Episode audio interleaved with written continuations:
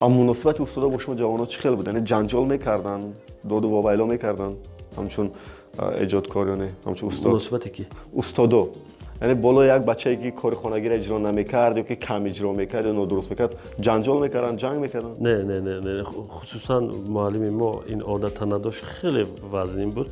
همیشه راهنمایی می‌کرد و خلاص. یعنی یک دیگر فهمی بود. بله صد درصد.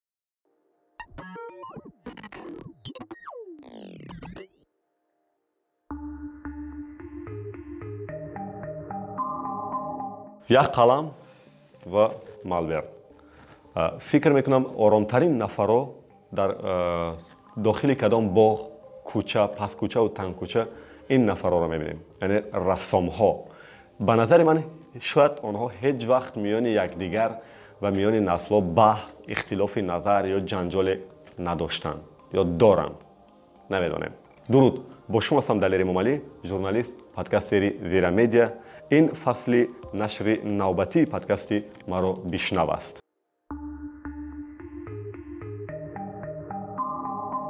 Дар фасли дуюми э, подкасти маро бишнав мо оиди ҳамдигарфаҳмӣ миёни наслҳо бо худи наслҳои ҷавон ва калонсол э, миёни мутахассисони соҳати гуногун суҳбат хоҳем кард. То э, ҳамдигарро шунавем ва барои ҳамдигарфаҳмӣ якдигар омода бошем. Дар нашри навбатии подкасти мо тоҳири назар рассом иштирок дорад. Мақсади даъвати тоҳир барои суҳбат дар он аст ки ӯ дар самтҳои гуногуни рассомӣ фаъолият кардааст ва яқинан бо наслҳои гуногун низ дар ин соҳа бархурд намудааст. Ихтилофи назар миёни рассомон то куҷо ҳаст? Чаро дар кӯчаҳои душанбе ва дигар гӯшаҳои кишвар санъати муосири рассомӣ таблиғ намешавад? Ҷавонон барои тамошои намоишҳои рассомон мераванд ва ё не به این و دیگر سوالها در نشر نوبتی پادکست ما پاسخ خواهید گرفت. درود تایر خوش آمدید به صحبت. تشکر. و اولین سوال من همین است که در وقت تحصیل کالج رسامی برنامه میرزا رحمت علیموف شما با استادان در کارهای ایجادی بحث می‌کردید یا هر چیزی که اونها می‌گفتن قبول می‌کردید؟ نه بحث. اگر دقیق شو بگیم بحث نمی‌کردیم چون که زمانی ما رفته بودیم تقریبا همه ده نفر در گروه بودیم. سه چهار نفر دختر باقی مونده پسرها. همه بعد ختم سیف نهم رفته بودیم. هنوز که خیلی جوان بودیم. 16 سال 17 سال میشه. اون جرأتی بحث که نداشتیم دیگه در اون وقت. هر چیزی می‌گفتن قبول می‌کردیم. بله نه هر چیزی که می‌گفتن راهنمایی می‌کردن تنها. در مورد تصویر در مورد هر دو روز پس تصویرهای خانگی وظیفه های خانگی را آوردن نشان دادن ایراد گرفتن برای رشد کردن. همین چیزا بود. اما مناسبت استاد با شما جوان ها چی خیلی بود یعنی جنجال می‌کردن داد و می‌کردن همچون ایجادکاریانه همچون استاد مناسبت کی؟ استادو. یعنی بالا یک بچه که کار خانگی را اجرا نمی‌کرد یا که کم اجرا می‌کرد یا نادرست می‌کرد جنجال می‌کردن جنگ می‌کردن. نه نه نه نه خصوصا معلم ما این عادت نداش خیلی وزنین بود. همیشه راهنمایی می‌کرد و خلاص. یعنی یک دیگر فهمی بود؟ بله صد درصد. می‌توان گفت که بعضا استاد هم یعنی از داخل سیمخونه هاشون می اومد صدا صدای بلند. صدای بلنداشون می اومد این دیگر از خودی پداگوگ وابستگی داشت فکر می‌کنه ولی استاد ما این گونه نبود. ба фикри ту чаро ҷавонони ғайри соҳаи рассомӣ ба футбол консерт ошхона ва аз қабили ин гуна ҷойҳо мераванд вале барои тамошои намоишҳои рассомӣ намераванд мусаввараҳое ки мо мекашон намераванд тамошо ошхона дигар ба ҳама маълум ки барои ғизои шикам мерем ин ба ҳама маълум пӯшида нест футбол ба он хотир меравем ки футбола дар ҷомеаи ҷаҳон تبلیغ کرده توان یعنی خداگاه و ناخداگاه دیگر در وجود بسیاری ها ریشه دوان که یعنی عاشقش باشی. همین خیلی است. کانسرت چه؟ زیاد شد بله. کانسرت چه؟ کانسرت کانسر دیگر در رگ و پیوند هر صاحب جان هست دیگر. می‌خواهیم نمی‌خواهیم. ولی اینه می‌خواه فهمم که ما هم میگیم که یعنی نبیره های کمال دین بهزاده خوب یعنی یکی از نفرایی که در سمت رسامی خیلی معروف است. اون تصویری که میکش چی نام داشت؟ مینیاتورا. مینیاتورا. ما از اون افتخار می‌کنیم پس چرا یعنی در رگ و پیوند ما از اجدادمون است چرا نمیریم برای تماشای مصوره های رسامی؟ ببین این گونه چرا مثلا در ساحه تیب ما بابای سینا داریم شیخ رئیس سینا داریم. بله. اگر در ساحه تیب هم یگان جمع ها شما فکر نمی‌کنم که همه اونجا رفته بتونه یعنی اونم از رشته ما از در ساحه شش مقام هم ما خیلی اجدادای بزرگ داریم از گذشته. در این سمت هم اگر یگان جمع شما چرا همه نمیره یعنی چرا چرا من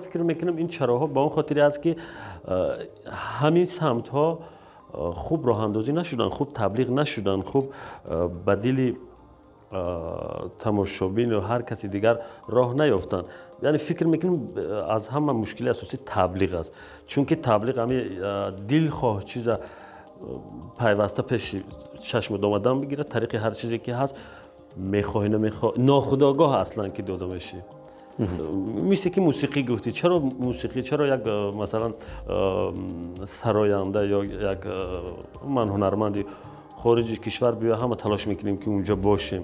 ولی یک رسام خارجی هم بیاد قریب کسی نمیره تماشا. نه اصلا نه.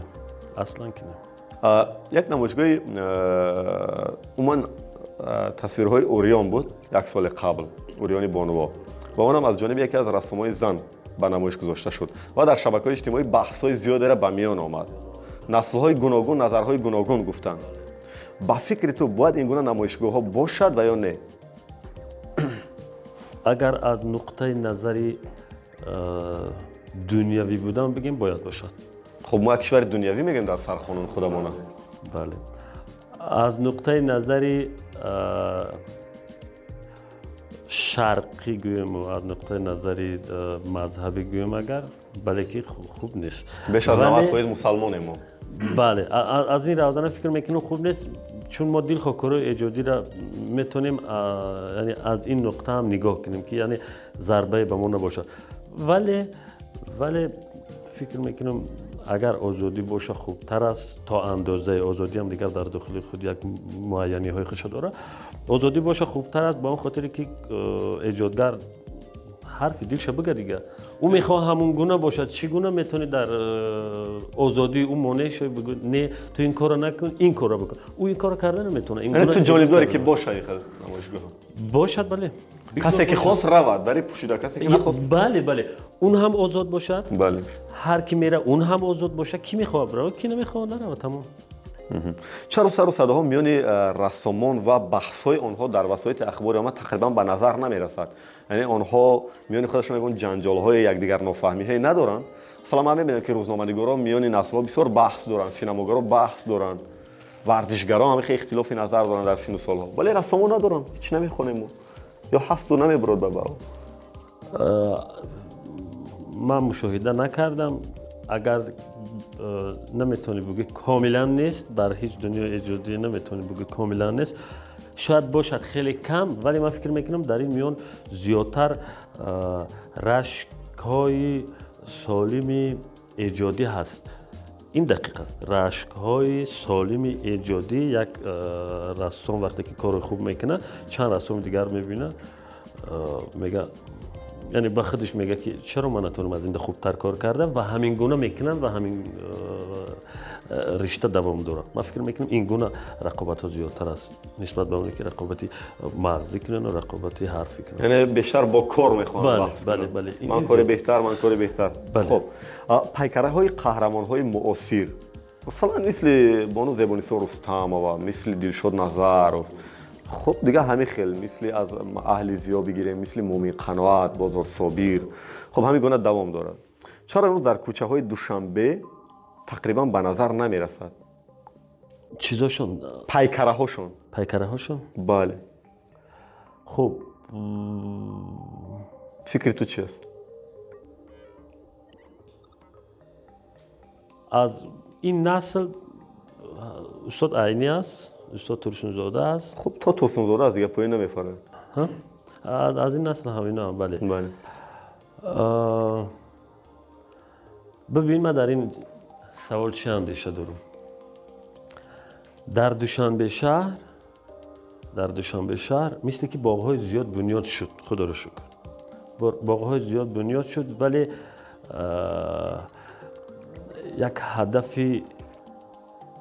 مشخص راه اندازی نیست. بغیر از راه رو رفتن میانی قسم زیادی از باغ ها گل کاریدن. بله تنها گل گلگشت است درخت ها است راه رو ها هست. خب کیم چیزای خوردی دیگره. زیاد می‌خوام که در دوشنبه شهر باغ باشد که مثل که سوال با میان گذاشتیم. بله. این شخصیت ها را همش پیکراشون باشد. نمی‌دونم لیونین کرده یا پای کرده کاملا از پتو سر زنده و گذشته همه بود بله بله یک باغ مخصوص مثلا برای منی داخل هم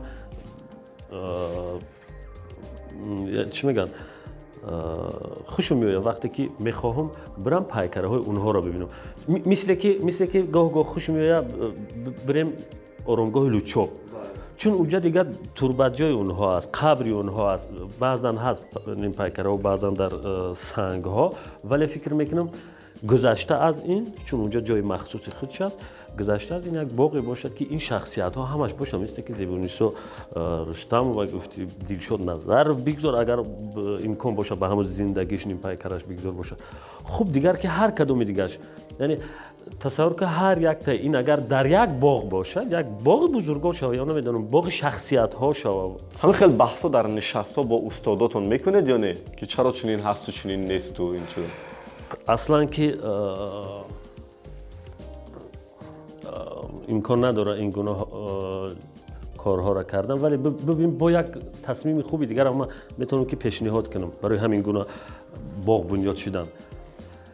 در کالج رسومی дар донишкадаи ҳунарҳои зебо як факултете ҳаст бо номи ҳайкалтарошӣ хуб тақрибан тақрибан даҳ нафарӣ ё ҳашт нафарӣ ё понздаҳ нафарӣ таҳсил мекунад дар ин факултет дар ҳар як курс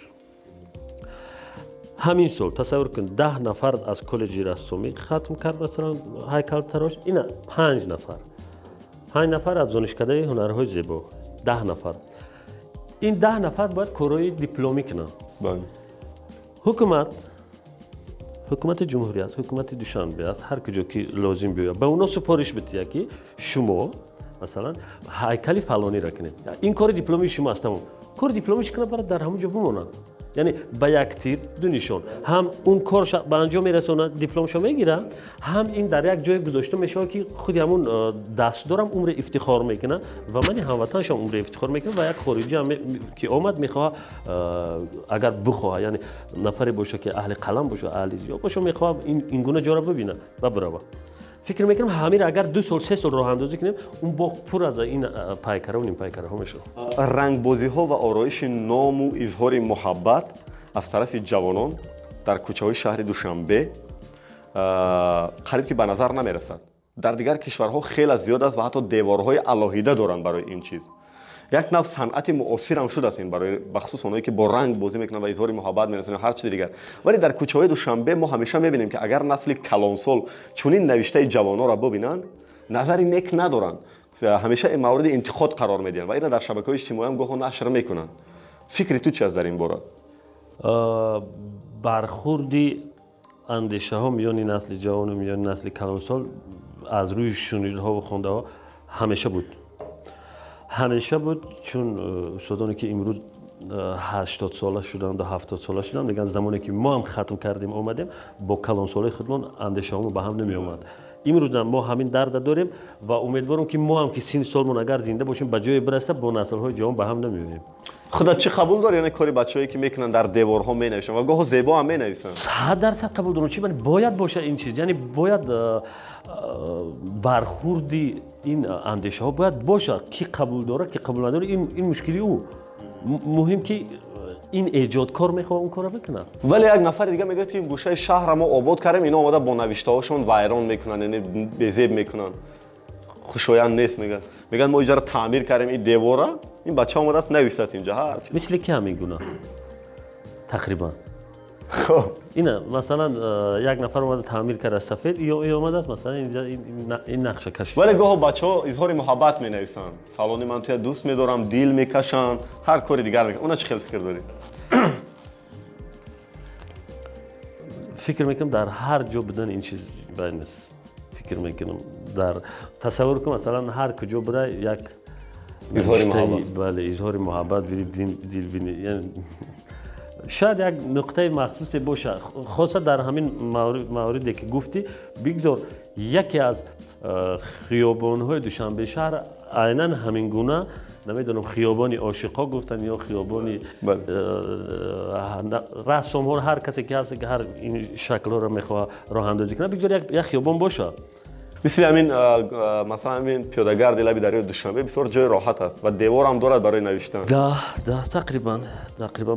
بگذار بعد شیت ها و دیواره های مخصوص هم بعد جابجا کنم به من عینن همین می‌خواستم بگم که در مورد کارهای حرفوی یعنی تصویرهای معاصر تبلیغ های معاصر مثل همینه که ما در نظر شده صحبت کردیم.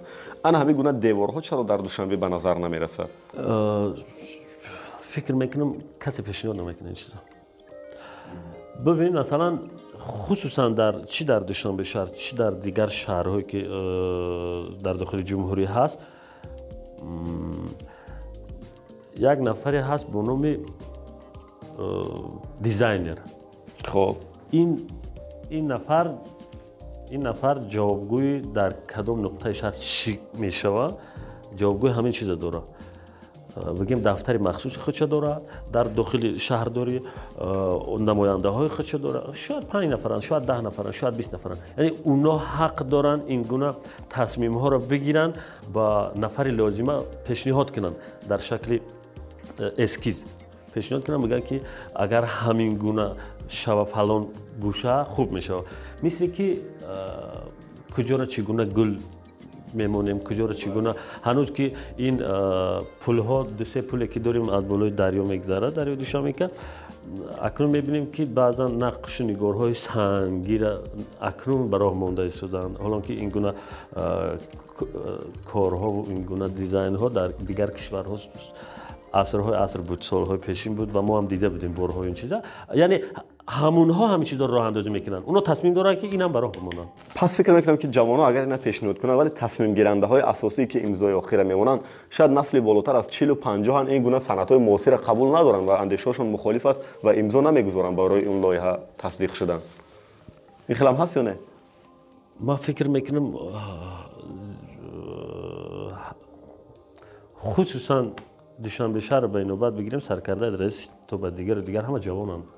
من فکر می‌کنم نسلی کلان خیلی کم است در این میان اگر پروژه های خوبی سازندگی رو به میان ببرن من باور ندارم که نشوه این کار. فقط نفر لازم که همین رو پیشنهاد کنه چند وقت اخیر در دوشنبه یک دیگرگونه کلی به نظر می‌رسد. تمام بینهایی که از شوروی از گذشته از کلانسولای ما میراث مونده بود تخریب شده ایستادن و بینهایی نو شیشگی قامت را و اینجا هم نظرها بحثو شدید است. در این میان تو چی می‌گویی که اون بناهای قدیمی که خیلی از لحاظ ارکیتکتور و معماری خیلی زیبا بود. اونا را با شیشه عوض کردیستیم ببین ما در این این نقطه نظری ما است نقطه نظری تاهیر است. کسی می‌تونه این کار کنه تاهیر که رسام هر بله هر کس اندیشه خودش داره. من فکر می‌کنم این درست نیست. ببین حتی قسم زیاد بناهایی که در دوشنبه شهر بود خصوصا در کنارهای راه همه رنگ هم کردیم. بله. تقریبا تقریبا میگم 80 90 فیزش رنگ زرد است. خیلی زیاد رنگ های زرد استفاده بردیم. فکر می‌کنم حجت نداشت. یعنی رنگ زر رنگ مردم ایمون نیست؟ نه رنگ مردم ایمون نیست نه. گپ سری حجت رنگ خاراکتر نمیره گپ سری خود همون بینو میره که اون بینای بیچاره مثلا در زمان شوروی اگر ساخته شده بود هیچ رنگ قسم زیاد بینوها رنگ نداشتن. رنگ نداشتن. یعنی یک رنگی مخصوص خودی هم محصولات ساختمانی بود. زنده بود. بله. اون رنگ محصولات ساختمانی اثرها می‌تونه بمونه. ولی این رنگ با نمی‌دونم چند باد و باران ها زدن. ها می‌تونه بازم خیرگی کنه با هر سال از نو باد و باران یکمش این بله دویمش این که فکر می‌کنم یک صرف زیادتی بود. مثل که ما گویا می‌خواستیم زیبا کنیم اما دیگر راه های زیباش هم فکر می‌کنم بود. نه تنها یک لخت زرد کردن و سبز کردن و سرخ کردن دیگر راه های زیباش هم بود. буд бозам хубтар мешид ки комилан меистод ба ҳамин шакл ҳазор роҳҳои хуби дигари зебо кардан буд ки агар чандин хусусан дизайнеру рассомони хуба ба ҳам меовардан фикр мекардан пешниҳодҳо мекардан можна буд ин кора кардан вале фикр мекунам ин танҳо ба як сухани роҳандозӣ шудагӣ аст ки таъмир кунем то шаҳр ҳусни дигар бигира ранги дигар бигира ولی من با فکر نیست درست برای چه همیشه آرایش؟ یا کاری طراحی یک پیکره باغ یا کوچه و گلگشت و دیگر گوشه های کشوره همیشه به با استادا باور می‌کنن به با جوانو کم باور می‌کنن من می‌بینم که حتما تصویری کدام یک پیکره یا که گلگشت دستی کدام یک استادی است که الکی از 50 سال بالا عمر دارد چرا به جوانو کمتر باور می‌کنن شاید اول به خاطر که استادا خیلی تجربه زیاد دارن. یکم دویم به آن خاطر که حتی قسما عنوان های مردمی هم دارم. خب. سیوم به آن خاطر که شاید اونهایی که اونها را فرمایش میتین اون هم در همون سین سلام هیچ وقت مثلا یک جوانی سی ساله تصمیم نمی‌گیره مثلا یک قرار رو ببره که بگه به مثال پایکره شیخ رئیس سینا ساخته شود. مثال یک جوان تصمیم نمی‌گیره ساخته شود. و او یک مسافر 70 ساله 80 ساله یک پیر روزگار دیده را سپارش میشه بگه تو بکن. نه. برای اینکه تصمیم گیری ها هم پیشنهاد ها هم تقریبا از یک سین سال ها صدا میتیدند و شاید این است. بوره فکر کرده ای که اگر برای تو چنین یک شرایط فراهم بیارن که برای استاد فراهم بیارن кадом гӯшаи душанбе ё кадом гӯшаи кишварда як э, гулгаш як нуқтаи бисёр зебое ки дасти худат аст унҷа зиёд э, интихоб кунӣ ва бижара оро диҳӣ дар ин фикр будӣ бале ин як хато накунам як сол пеш буд ё ду сол пеш буд ба фикрам ду сол пеш буд ҳанӯз қабл аз вабо буд як тасмими хурд шид ва баъд дигар ин тасмимам аз миён рафт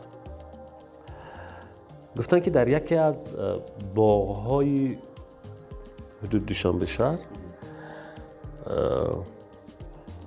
خانچه های صرف صرف تاجیکانه ساخته شود. یعنی تصور که مثلا در مثال میگم در باغ استاد رودکی مثال. حالا که اونجا نه. یک کاملا یک دهه عبارت از як ошёна хонаҳои сирф тоҷикие ки гуфтем лоӣ кӯчаҳо дорад мисли тан кӯчаҳои бухоро. Ва дохили ҳар як хона фурӯшандаи молҳои ҳамин вай дорад. Мардумӣ мардумӣ ин деҳа аст дига. Бале деҳаи деҳаи шарқие ки дар дохили вай ҳаст боғи ирам یک خانه بدخشانی هست. همه اونجا نوار می‌گیرد و میرد برای تماشا. دهن هم داره ولی وای دهنش دیگر. من اگر میستی که سوالی که دادی اگر امکان می نمی‌دونم نمی‌دانم امکانی با کسی هم صحبت شدن می‌شد امکانی پیشنهاد ایده دادن می‌شد همین چیزا می‌کردم. به خاطر رشدی ساحه سیاحی که ما چند سال بله. و چند سال دیگر در اختیار داریم. یعنی تمام خانه های تاجیکستان хонаҳои хатлон бадахшон рашт водии исор ҳамаш дар як гӯшаи душанбе. Гузашта аз ин гузашта аз ине ки ҳозир дохили хона чӣ нақш дорад мисле ки гуфтем нақши бадахшиву нақши э, э, ғармиву нақши хатлониву нақши суғдиву дигар дигар. Гузашта аз ин гузашта аз инҳо дар дохили ҳар яктаи ҳамон яъне тасаввур кун ин як деҳаи бузург از با پیشتر گفتم که قسم زیادی باغهای خوب ساختیم ولی باغها مثل قدم زدن شده است و خلاص. فقط گلگشت فقط گلگشت و قدم زدن. این خوب است ولی نمی‌تونه که همه باقی یک رنگ باشه همه باقی یک شکل دو چیز دارن؟ بازیچه های فراغتی دارن و گل دارن. بله کودک فراغت می‌کنن و کلان ها سیگار می‌کشن. بله. خب ببین دلیل. یعنی ببین یک باغ من اگر این گونه دهه کاملا دهه عبارت از 80 صد خانه. بله. یعنی ببین اگر این گونه باشه برای سیاحی هم خوب است. یک باغمان کاملا برای شخصیت هایی که پایکره داشت. بله پایکره ها را گفتیم این بله. گونه باشد. دو یعنی من فقط هر هر ساحت گوناگون یک باغ خودش داشته باشه. اونجا نمایش این, این جالب میشه. این خیلی جالب میشه و هم یک راه خوبی درآمد هم هست و هم یک کاری خوب آمد. فکر می‌کنم امکان دارد در همین باغ زیادی که در حدود جمهوری کرده امکان داره دل خواهش گرفته به این شکل تبدیل دادن به این شکل تبدیل دادن. اگر من امکان می داشتم امکانی پیشنهاد دادن صحبت کردن می داشتم همین چیزا می گفتم آخرین سوالی که برات دارم از رسامان کلانسال و جوان سه رسامی را بگو که کاراش میپسنده و مقبول است برات. خب سه نفر. بله. می‌تونی هر سه جوان بگی هر سه کلانسال بگی که می‌تونی انتخاب کنی. فهمیدم از نسل از نسل کلان از نسل کلان کارهای رسم بسیارم خوبی ما سبزلی شریف زاده پسندم است دوی دیگه دو تای دیگه خب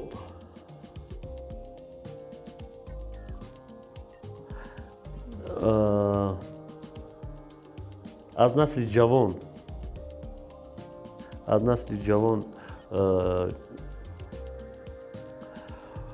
эраҷ олимов э, далер меҳтоҷов далер миёна аст дигар далер симсол хоб далер эраҷ ва устод сабзали шарипов. Сабзали шарипов. Саломат бошед дӯстони азиз ин нашри навбатии фасли дуюми подкасти маро бишнав буд ки аз ҷониби журналистони зерамедия омода мешавад ва меҳмони имрӯзаи мо буданд рассом тоҳир назар дар нашри минбаъда низ мо оид ба мушкилоти наслҳо хоҳем гуфту бо мутахассисоти соати гуногун барои дарёфти роҳҳои ҳалли ин проблемао суҳбат хоҳем кард.